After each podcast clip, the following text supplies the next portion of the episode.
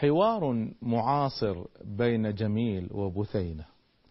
جميل أنا يا بثينة راحل صوب الجبل فالشيب أنذرني وقلبي في وجل. قال استمع نصحي فوجهك شاحب رتب حقائبك الثمينة في عجل. والوقت أدركنا وهذه شمسه غابت وراء الأفق والليل حل. قالت بثينة يا جميل أما ترى أن المعارك والحروب بلا أمل؟ بذل الأبات دماءهم ونفوسهم وتيتمت أبناؤهم في المعتقل. بل كل معركة نخوض غمارها نسجت وقائعها على قد الفشل. هل ما تقوم به جهاد فاضل أم أنه نزق وطيش مرتجل؟ جميل. أوهنت يا بنت الأكارم والتقى وشرعت في نحت الأرومة والأثل وجعلت أسباب الخنوع جميلة وصقلت سيفا للدعاية والجدل. هم جندوا للحرب كل رماحهم وبقيت وحدي بالتعقل معتقل. أدعو إلى السلم الذليل. وأبتغي عند العدو سراب عيش مبتذل. أنا إن أمت فإلى الجنان تزفني حور تلألأ مثل أحداق المقل أو أنتصر أقضي على جبن غدا نهجا وفكرا يستطاب وينتحل. بثينة أنا ما عشقتك يا جميل صبابة. أو هزني شعر تضمخ بالغزل. أنا قد عشقتك يا جميل مجاهدا ومثقفا ومفكرا. يحيي الأمل. إن كنت تحسب أن قلبي خائر أخطأت يا زين الشباب ولا خجل. جميل. هيا نحاول أن نقوم نهجنا بشجاعة الأبطال والسلف الأول. رفعوا لواء الحق في أركانها وفق الكتاب ووفق منهاج عدل. فقهوا كتابهم وعاشوا عصرهم فاستنبطوا حكما وصاغوها. دول بثينة أبشر جميل فلست أوجل منهم. حسن التدبر من مزيات البطل. فإذا استفدت من الدروس جميعها ووعيت أسباب التخلف والعلل وإذا قضيت فإنني مشتاقة ولجنة الفردوس يحدون الأمل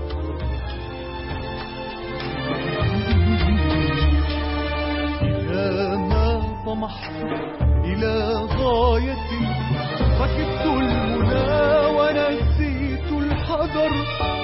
ومن لا يحب صعود الجبال يعيش أبد الدهر بين الحفر. ومن لم يعانقه شوق الحياة تبخر في جوها واندثر. كذلك قالت لي الكائنات وحدثني روحها المستقر.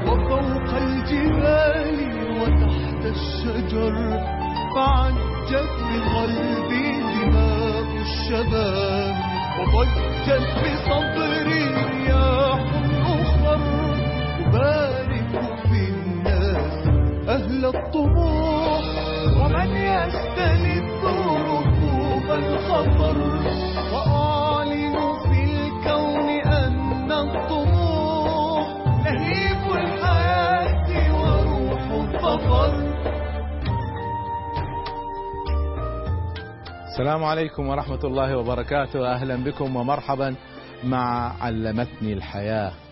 وحديثنا في هذه الحلقة عن الحوار. أذكر أني كنت في نقاش مع طائفة أخرى وكان النقاش حول موضوع الحوار. هل هو ضرورة أم ترف؟ فكنت أقول لهم الطوائف الإسلامية جربت جربت أن تقتل بعضها خلال القرون الماضية. وما زالت للأسف. ولم تستطع أي طائفة أن تنهي الطائفة الأخرى. ثم جربوا أن يعتزلوا بعض. هؤلاء لهم مناطقهم وهؤلاء لهم مناطقهم. والذي حدث أن هؤلاء ازدادوا وهؤلاء ازدادوا والخلاف ازداد. فليس لنا خيار. الحرب والقتل ليس بخيار. والاعتزال ليس بخيار ما عندنا خيار سوى الحوار. لكن هذا الحوار إذا لم يبنى على أسس سليمة هذا الحوار إذا لم يقوم على مبادئ وقيم وخطوات وعلم لن لن يصل إلى نتيجة لن يصل إلى نتيجة. فهدفي في هذه الحلقة أن أنقل بعض ما تعلمته من الحياة ومن العلوم ومن التجارب في قضية الحوار. وأول ما شد انتباهي هو القرآن الكريم. القرآن الكريم فيه أكثر من خمسمائة قصة في كل قصة حوار. القرآن كل كتاب حوار في الحقيقة. والله سبحانه وتعالى ما جعل الحوار فقط بين المؤمنين بعضهم بعضا وإن كان هذا موجود لكن كل أشكال الحوار سبحان الله موجودة في القرآن الكريم. من بداية خلق آدم الله جل شأنه يتحاور مع الملائكة عليهم السلام. إني جاعل في الأرض خليفة. قالوا أتجعل فيها من يفسد فيها ويسفك الدماء ونحن نسبح بحمدك ونقدس لك؟ قال إني أعلم ما لا تعلم. حوار. وعندهم رأي وكان رأي الملائكة أن لا يخلق آدم. لماذا تخلق آدم؟ هل قصرنا نحن في التسبيح لك والعبادة لك؟ قال إني أعلم ما لا تعلمون وأراد أن يريهم هذا. فقالوا بين أنفسهم قالوا لن يخلق الله خلقا إلا وكنا عند الله أعلم منه وأفضل شأنا. فأراد الله سبحانه وتعالى أن يعلمهم الرد على هذه المسألة عمليا.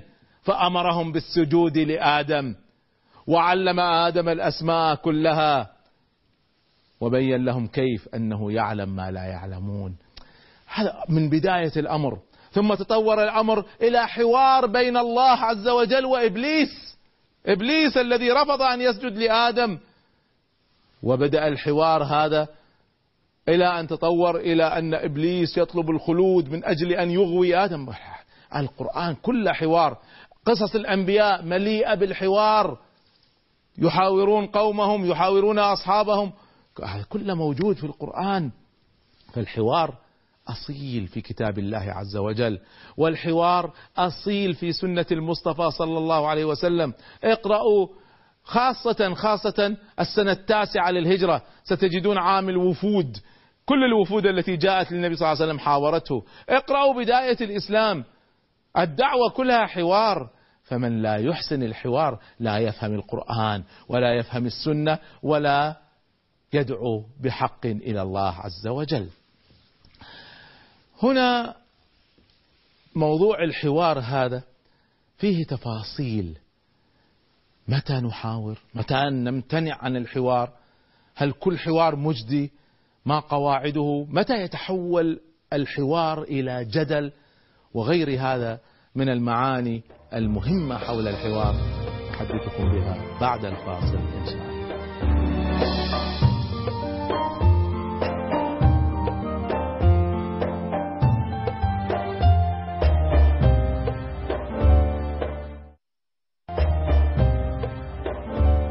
أهلا بكم ومرحبا مرة أخرى مع علمتني الحياة وحلقتنا اليوم حول موضوع الحوار. الحوار يحتاجه كل إنسان، يحتاجه كل بيت، يحتاجه كل أب في حواره مع أولاده وكل مسؤول في حواره مع موظفيه وكل قائد في حواره مع أتباعه الحوار جزء أساسي من حياتنا.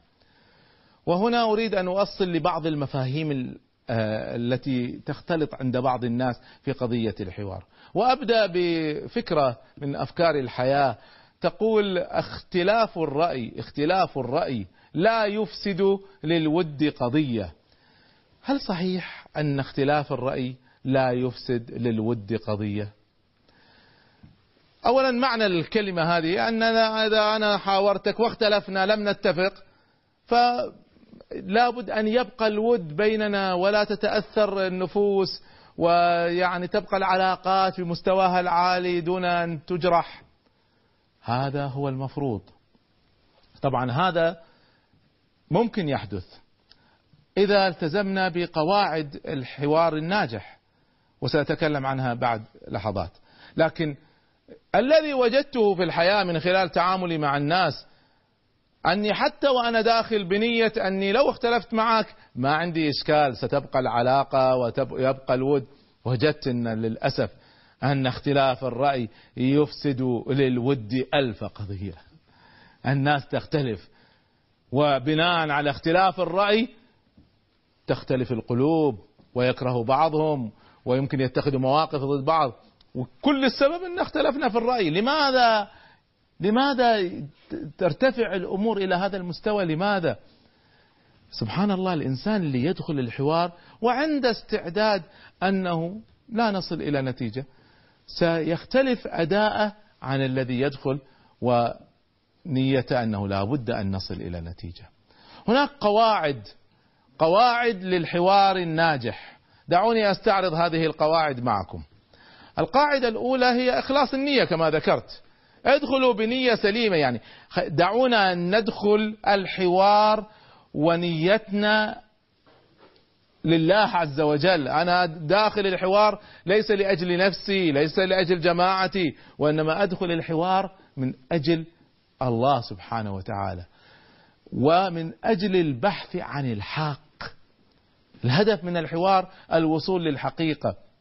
وأنا حاورت الحمد لله في حياتي حاورت يعني أشكال وألوان من الناس حاورت النصارى واليهود والقديانية والطوائف الأخرى في أمتنا يعني أشكال والعلمانيين وغيرهم فوجدت هذه المبادئ.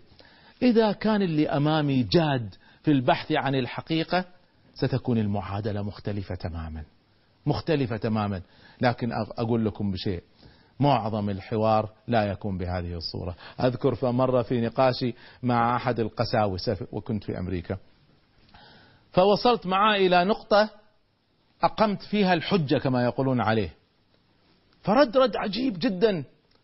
قال it is not a matter of logic it's a matter of faith. القضية ليست قضية منطق وإقناع وإنما قضية إيمان. قلت له لحظة لحظة لحظة. إيش يعني قضية إيمان يعني؟ هل المطلوب مني الآن أن أسلم بالإيمان وألغي عقلي ومنطقي؟ قال هكذا الإيمان عندنا. الإيمان ليس بالمنطق.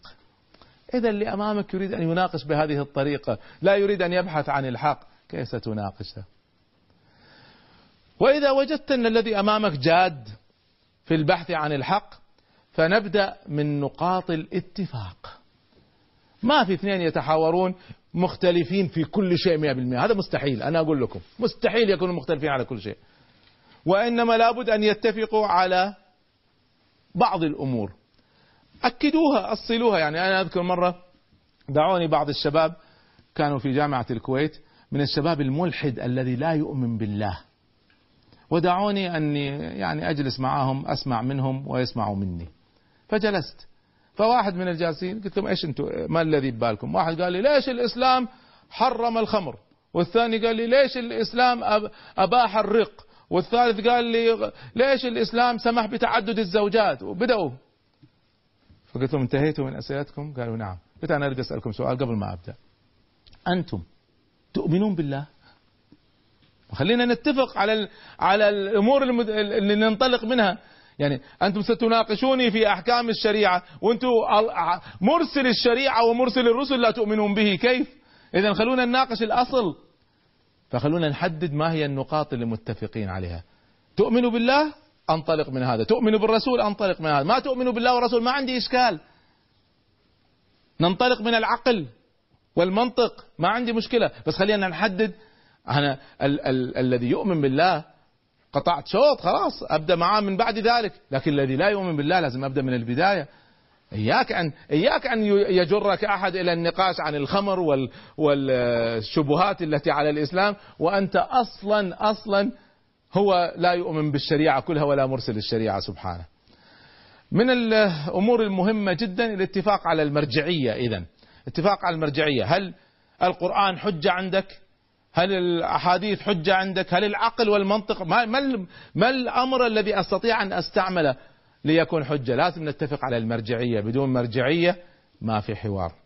الأمر اللي بعده من قواعد الحوار الناجح احترام الآخر. إذا كان اللي أمامي جاي من أجل أن ينتصر في الحوار وبعدين يعني يستعمل أسلوب الاستهزاء والسخرية وأحيانا كلمات آه، يعني ما هي مؤدبة أو جارحة ليش؟ الحوار نفسه ليس له داعي لأنه لن يصل إلى النتيجة بهذه الصورة. أيضا البعد عن الغضب والبعد عن التعصب.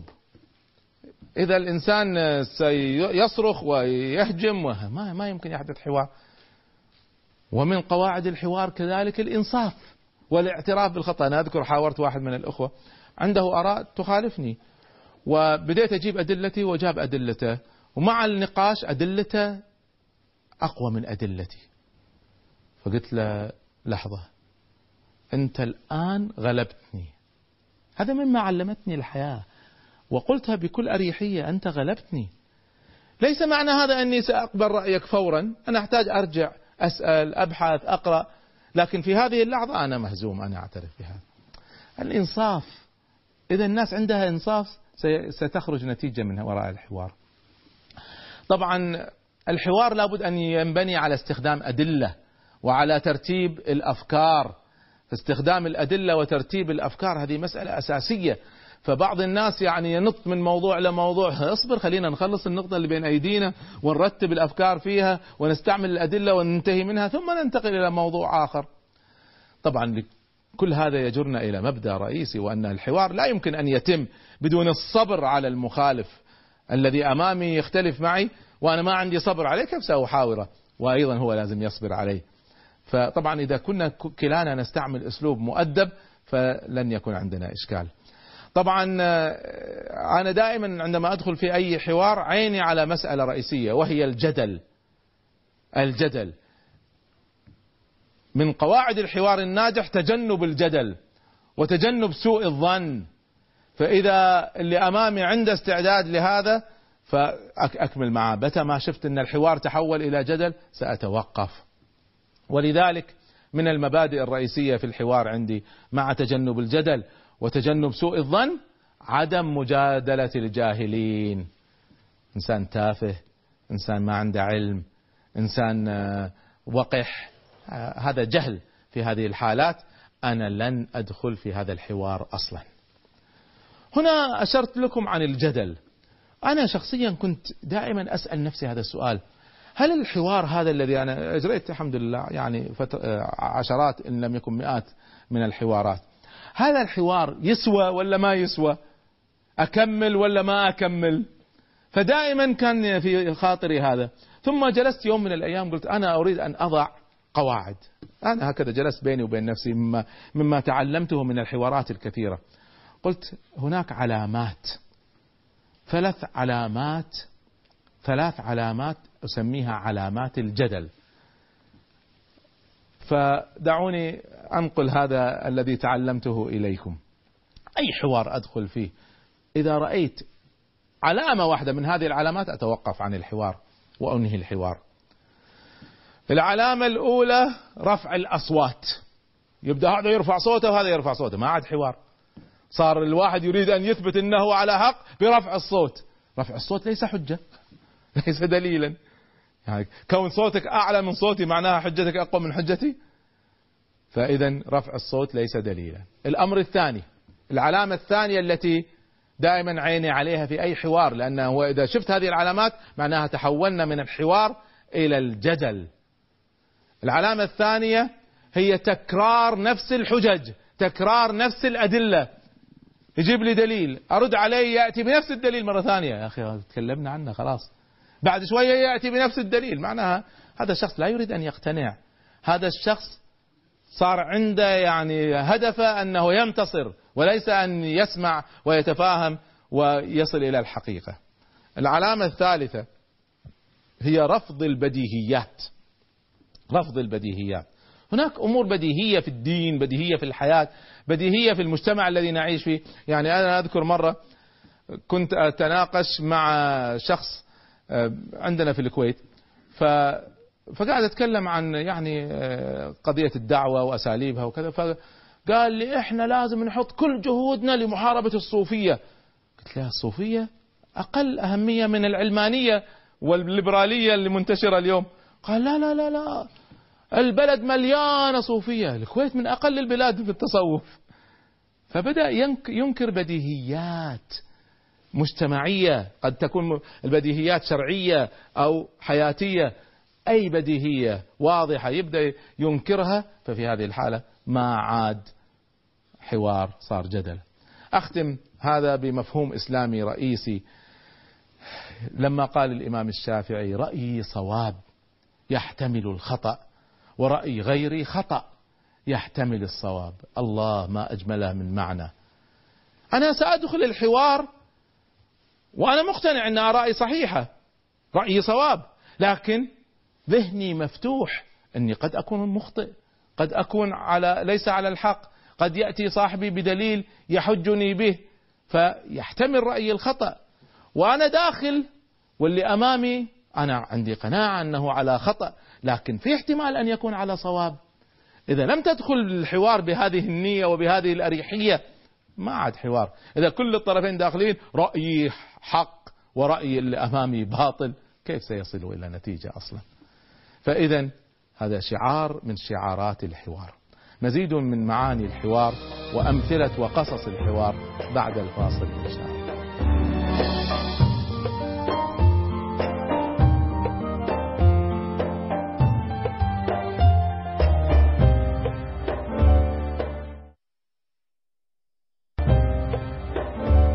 أرحب بكم مرة أخرى مع علمتني الحياة وحديثنا في هذه الحلقة حول الحوار.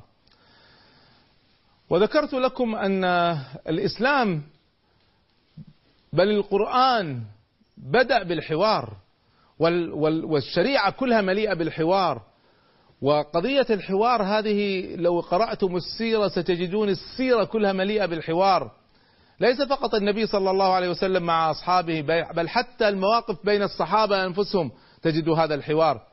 من القصص العجيبة في قضية الحوار والتي أدت إلى نتائج غير عادية الحوار الذي جرى في الحبشة.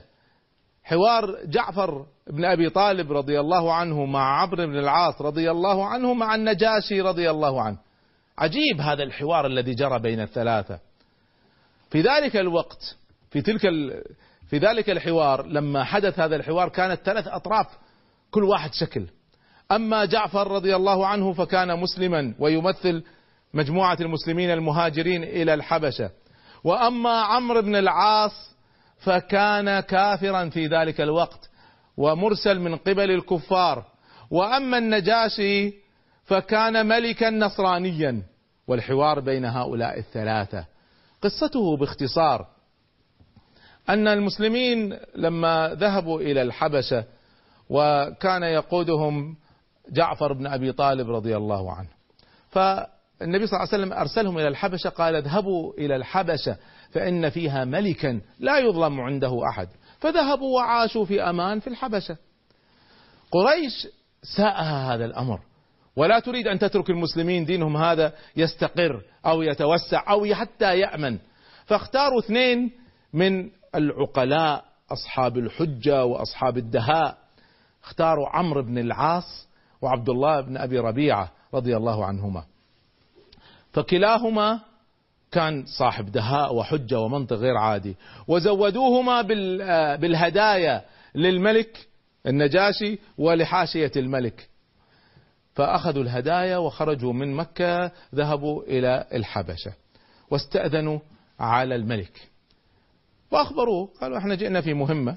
طبعا أولا أعطوا الهدايا هي أقرب للرشوة إلى البطارقة الذين حول الملك ثم جاءوا للملك فأعطوه الهدايا. وكان يحب الجلود وكانوا هم يشترون هذه الصنعة من الشام فأخذوا أحسن ما عندهم من جلود وقدموها إليه. فسر بهداياهم. فقالوا له باختصار أن نحن جئناك في مهمة مرسلين من قبل قومنا. عندك مجموعة من قريش من قومنا. نحن أهلهم نحن أعمامهم وآبائهم وأهلهم. تركونا وابتدعوا دين جديد. ولم يدخلوا في دينك ولم يستقروا على ديننا. وابتدعوا دين جديد. ونحن أعلم بهم. نحن أعلم بهم من كل الناس. أن هؤلاء أقاربنا فجئنا بطلب بسيط وهو أن أهلنا يرجعوا إلينا تسلمهم إلينا. فقال البطارقة نعم نعم هذا حق. من حقهم أن يأخذوا أهلهم. فقال الملك الذي لا يظلم لا يظلم عنده أحد قال لا حتى أسمع منهم. ما يصير أحكم على إنسان بدون ما أسمع منه. وهذا من أسس الحوار أنك إذا في الحوار إذا حدثت أو حدثت عن جهة ثالثة لا تحكم حتى تسمع من هذه الجهة. وهكذا كان النجاشي رضي الله عنه بعقله. فدعا المسلمين وكانوا حوالي سبعين ثمانين واحد قال لهم تعالوا. فعرفوا أن بقصة وجود عمرو بن العاص وأنه جاء لأجل أن يأخذهم فتشاوروا بينهم. فقالوا ندع جعفر يمثلنا وهو يتكلم باسمنا. فجاء الوفد الإسلامي بقيادة جعفر وفي الطرف الآخر عمرو وعبد الله والملك يحكم بينهم. فقال لهم ما هذا الدين الذي جئتم به؟ لم تدخلوا في ديني ولم ولم تبقوا على دين قومكم. حدثوني عن هذا الدين الذي جئتم به. فبدأ جعفر يشرح للإسلام. الإسلام قال إحنا كنا نعيش في جاهلية وفي ظلام وكنا نأكل الحشرات وكان بعضنا يعتدي على بعض ونقطع الأرحام ونعمل الفواحش والمنكرات. فجاءنا رجل منا من قومنا نعرف صدقه ونعرف أمانته ونعرف تاريخه ونعرف فضله. فجاءنا بدين جميل يدعو إلى إلى إلى توحيد الله وإلى الإيمان بالآخرة وإلى الأمر بالمعروف والنهي عن المنكر والأخلاق الحميدة وصلة الأرحام والصدقة على المحتاج. وبدأ يشرح له ما هو الإسلام. فالنجاشي سر بهذا الكلام. قال والله هذا الذي قلتم والذي جاء به عيسى يخرج من مشكاة واحدة. نفس المبادئ التي جاء بها عيسى عليه السلام. فأمر أن يعودوا بأمان والله ما أحد يؤذيكم. هل انتهى الحوار؟ كلا. هو جزء من فن الحوار أن الإنسان إذا انتهت حجته يأتي بحجة أخرى إذا يستطيع وإلا يستسلم. عمرو بن العاص طبعا داهية. فجاء رجع بالليل يفكر هل انتهت المسألة؟ قال لا. فكر فكر. وكان من أدهى العرب وأدهى, وأدهى المسلمين فيما بعد عمرو بن العاص. أنا لم أدهى أرى في الصحابة كلهم أحد بدهاء عمرو بن العاص رضي الله عنه. على كل حال نرجع لقصتنا. عمرو فشل الآن في الجولة الأولى كما يقولون من الحوار. فجاءت الجولة الثانية. فكر. ووصل إلى حيلة عجيبة وفكرة غريبة. فقال لعبد الله بن أبي ربيعة قال والله إن عندي لرأي لا يستأصلنهم ما يحتاج إحنا ناخذهم. هذا الملك هو اللي راح يقتلهم. فعبد الله كان آه، يعني أقرب منه رحمة. فقال لا تفعل. يعني يعني ما صحيح خالفونا لكن ما زال بيننا وبينهم رحم. قال والله لا أفعلن. ما ما سمع لصاحبه. فجاء في اليوم التالي وطلب المقابلة مع النجاشي. فقابله. قال إن هؤلاء الذين عفوت عنهم بالأمس يقولون في عيسى قولا منكرا. قال ماذا يقولون؟ قال لا تسمع مني اسمع منهم. شوف العجب ها؟ حتى ما تقول والله أنا أتقول عليهم ولا فيريد أيضا هو هنا يريد عنصر المفاجأة أيضا في الحوار أن تأتي بحجة تكون مفاجئة للخصم. فأرسل النجاشي إلى المسلمين تعالوا مرة أخرى. فخافوا قالوا أكيد في شيء صار. ثم تحاوروا بينهم ماذا نفعل؟ فاتفقوا على أمرين أن واحد فقط هو اللي يتكلم. حتى ما يحدث بيننا خلاف هذا أيضا من فنون الحوار. والأمر الثاني أن نصدق ولا نكذب ابدا. مهما كان الأمر فيه خطر ما نكذب. فجاءوا إلى النجاشي عمرو واقف يتحداهم وهو ساكت. الان تحدي صامت عجيب لأنه حرك الملك عليهم. فهنا قال لهم النجاشي ملك الحبشة وكان حتى ذلك الوقت نصرانيا. قال ما تقولون في عيسى وأمه مريم؟ عرفوا إن هذا الآن كلام خطير. فوقف وقف جعفر. قال اسمع طبعا كان في مترجم يترجم. فقال بسم الله الرحمن الرحيم. كاف ها يا عين صاد. وبدأ يقرأ قصة أو سورة مريم. إلى أن وصل إلى قصة عيسى عليه السلام. وابتلى تلا قصة ولادة عيسى عليه السلام. ونطق عيسى عليه السلام وهو في المهد وختمها بقوله تعالى ذلك عيسى ابن مريم قول الحق الذي فيه يمترون. ما كان لله أن يتخذ من ولد سبحانه. ختم بهذا. ختم بالحق. هذا عقيدتنا في عيسى عليه السلام. ما جامل لا تجامل خصمك في الحوار من أجل أن تكسب موقف لا تجامل على حساب الحق. لما سمع النجاشي هذا بكى بكاء شديدا وكان أمامه عود صغير يسمونه عرجون عود صغير على الأرض. فرفع العود وقال والله ما جاوز عيسى ما قلتم. هذا العرجون. هنا البطارقه هم يعتقدوا أن المسيح إله مفروض الملك معاهم. فنخر البطارقه الآن الاحتجاج جماعي. قال وإن نخرتم.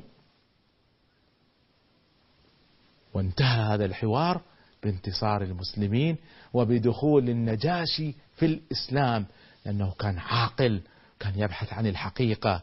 فلما سمعها آمن فورا. قصته طويلة لكن يعنيني منها هذا الحوار. إذا هذه هذا نموذج للحوار وفيه بعض المعاني في قضية الحوار. هذا يجرني إلى اليوم. اليوم من المصطلحات التي يستعملها الناس صراع الحضارات. وأصل لهذا كبار مفكري الغرب هانتنغتون وغيره أن أن الحياة صراع بين الحضارات. وطبعا بعض آه، المسلمين يعتقدوا بصراع الحضارات. أنا شخصيا أعتقد أن الأصل هو تكامل الحضارات المبني على حوار الحضارات. لو تحاورنا سنجد أنا أذكر مرة كنت في واشنطن آه، أحاور آه، طلبة العلوم السياسية في جامعة جورج واشنطن. فقلت لهم اسمعوا هي باختصار المعادلة بسيطة جدا. المعادلة أن إحنا عندنا كنوز من القيم ومن الأخلاق أنتم فاقدينها. وأنتم أيضا عندكم كنوز من التكنولوجيا والعلم والبحث والاحترام الوقت واحترام الإنسان والديمقراطية وغيرها. هذه كنوز. يجب أن نعترف أن عندكم هذه الكنوز. كنوزكم وحدها لن تسعد البشرية لأن ما ليس معها قيم وأخلاق وعقيدة سليمة. وكنوزنا وحدها اليوم لن تسعد البشرية. لابد أن نتكامل معاكم. فدعونا نمد أيدينا لبعض ونبني إنسانية صحيحة. ليش ليش نلجأ لصراع الحضارات؟ ليش ما نبني الحياة على حوار الحضارات؟ وهذا موضوع خطير جدا. كلما استطعنا أن نجمع هذا خير من أن نفرق. وهنا يجرني الأمر إلى الحديث عن حديث اشتهر على ألسن الناس. حديث اختلاف أمتي رحمة. اختلاف أمتي يقولون قال رسول الله صلى الله عليه وسلم اختلاف أمتي رحمة. هذا الحديث ليس ضعيفا هذا حديث موضوع. يقول عنه المحدث الألباني رحمه الله تعالى لا أصل له هذا الحديث ليس له أصل يعني في أحاديث لها أصل وتكون ضعيفة. هذا الحديث ليس له أصل بالبتة. لكن ليس معنى هذا أن كل اختلاف في الأمة هو آه، سيء. لكن ليس أيضا صحيحا أن الاختلاف الأمة رحمة. بالعكس توحد الأمة هو الرحمة وتواصلها هو الرحمة. فإذا اختلفنا فتكاملنا هو الرحمة وتفاهمنا هو الرحمة. فهناك خلاف مذموم وهناك خلاف محمود. الخلاف المحمود هو الذي يعطي تنوع يعطي تنوع. أما الخلاف المذموم فهو الذي يجعل شحناء وبغض وكراهية وفرقة وهجوم على بعض. ودعوني هنا أقول كلمة يمكن بعض الناس يستغربها. بعد التأمل الطويل في أحوال الجماعات والأمم أنا أقول ليس بالضرورة أن نسعى إلى الوحدة. ليس بالضرورة أن نسعى إلى الوحدة الكاملة. يكفيني أن نسعى إلى الاتحاد على ما اتفقنا عليه. ودعوا بعد ذلك الأمور المختلف عليها. كل واحد يمشي في طريقة. الشيعة والسنة هناك أمور يتفقوا عليها يتفقوا عليها. وكل واحد بعد ذلك نقبله كما هو. لا نلغي الحوار. يستمر الحوار. والذي يطلب الحقيقة سيصل إليها. لكن إما أن تكون مثلي أو أنا سأحاربك. أي منطق هذا؟ فدعونا نتخلص من مثل هذه المفاهيم ونلجأ إلى مفاهيم الحوار الراقي الذي يقبل المخالف كما هو ويبحث عن نقاط الاتفاق لنبني عليها ما نستطيع من بناء. كما قال الصالحون من قبل يعين بعضنا بعضا. مبدأ من مبادئ حياتي. يعين بعضنا بعضا على ما اتفقنا عليه. ويعذر بعضنا بعضا فيما اختلفنا فيه. مزيد من معاني الحوار بعد الفاصل.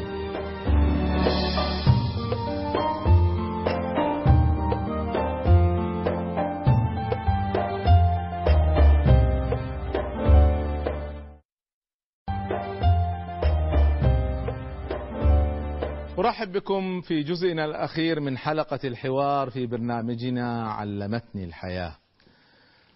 أحب قبل أن أنتقل للحديث مع الشباب أن أحدثكم عن شخصية أنا أعتبرها من الشخصيات الراقية جدا في موضوع الحوار في تاريخنا الإسلامي، هذه الشخصية هي شخصية الإمام الشافعي.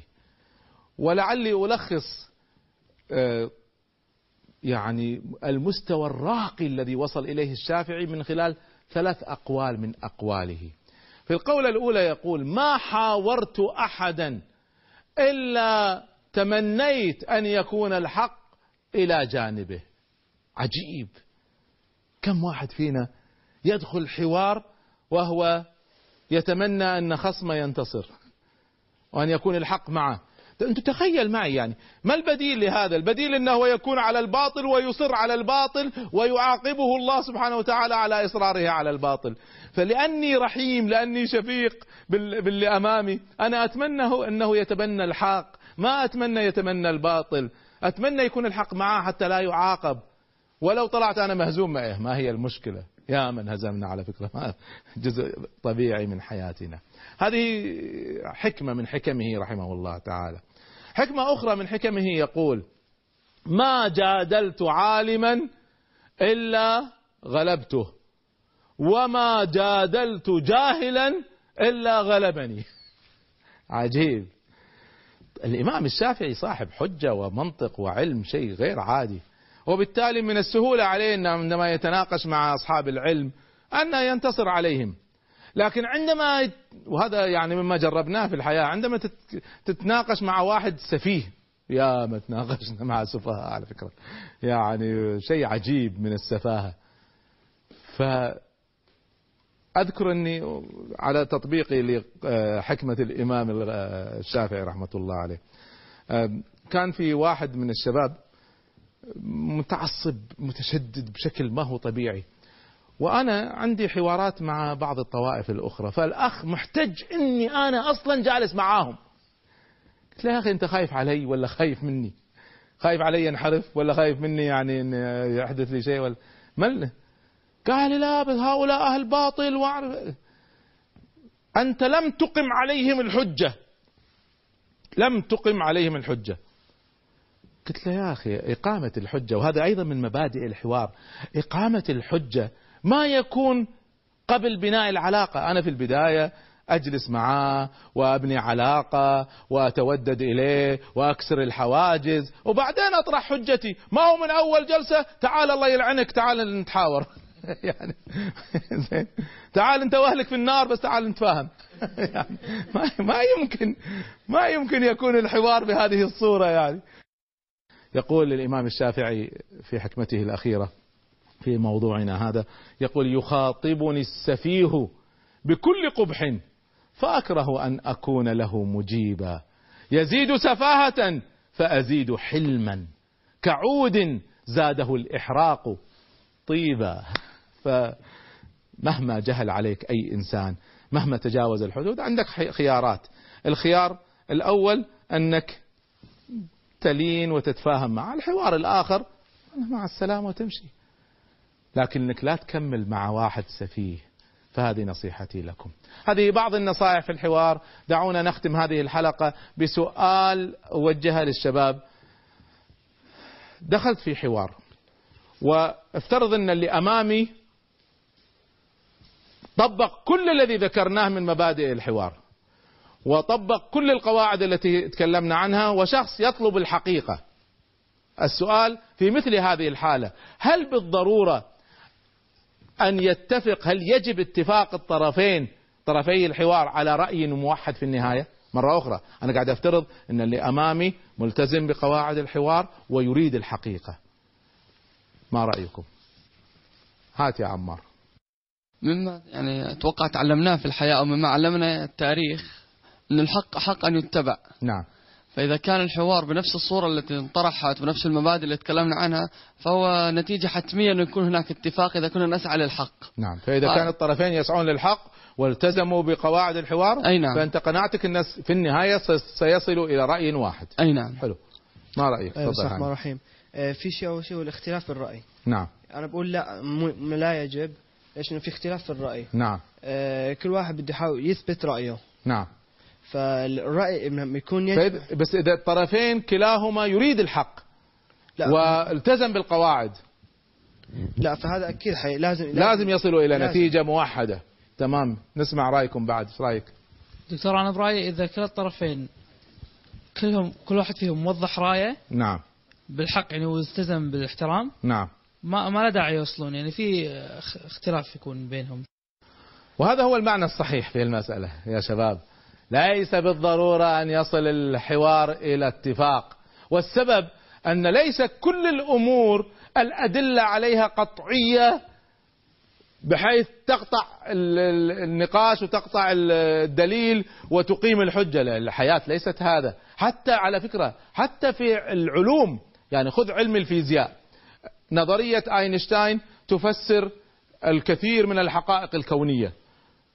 ونظرية النسبية طبعا لأينشتاين. جاء فيما بعد من جابوا نظرية أخرى اللي هي ال quantum theory هذه النظرية تناقض نظرية أينشتاين وتفسر الظواهر الكونية بنفس الكفاءة اللي تفسرها نظرية أينشتاين. أين الحق؟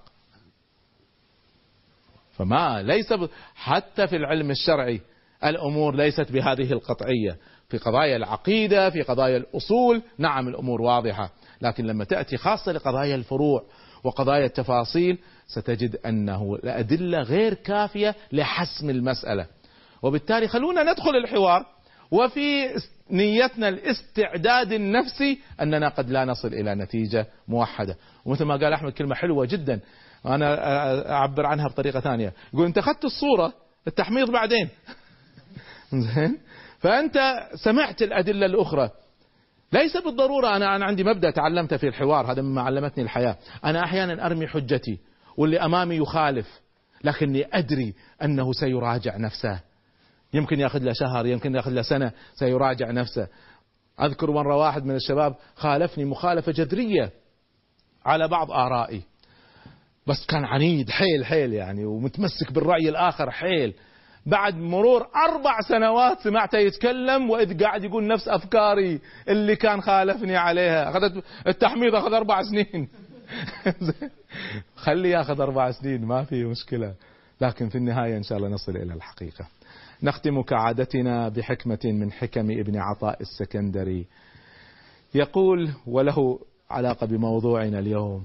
يقول كل كلام يبرز وعليه كسوة القلب الذي منه برز. كل كلام يخرج من الإنسان لكنه مغطى بالقلب الذي منه برز. إذا اللسان هو حقيقة ترجمان للقلب. فإذا تطهر القلب من الأغيار ومن الحالات السيئة وأشرقت عليه الأنوار الربانية اكتسى الكلام نورا وصارت الحجة أعمق وانتفع به السامعون وازدادوا به سرورا. أما إذا تدنس القلب بالذنوب وبالمعاصي فالكلام هذا الكلام كلام صاحبه سيظهر منه قسوة. تظهر في اللسان هي انعكاس لقسوة القلب. ففكروا في هذا. سبحان الله اللي قلبه مخلص تجد كلامه مؤثر ورفيق. واللي قلبه قاسي تجد كلامه قاسي واسلوبه عنيف. والذي يريد هداية الناس غير الذي يريد إقامة الحجة عشان يدخلوا جهنم. عاملوا الناس برفق. نحن دعاة إلى الله لسنا قضاة. نحن دعاة. هدفنا أن نحاور لأجل أن ندخلهم الجنة وليس لأجل أن يدخلوا النار. فإذا كانت هذه نيتك وانطلقت بإيمان وصدق سينعكس هذا في لسانك. الحوار أمر جميل لا تقوم دعوة ولا تقوم حضارة إلا به فالتزموه. شكرا لكم على حسن متابعتكم. أستودعكم الله إلى حلقة جديدة من علمتني الحياة. حييكم والسلام عليكم ورحمة الله وبركاته.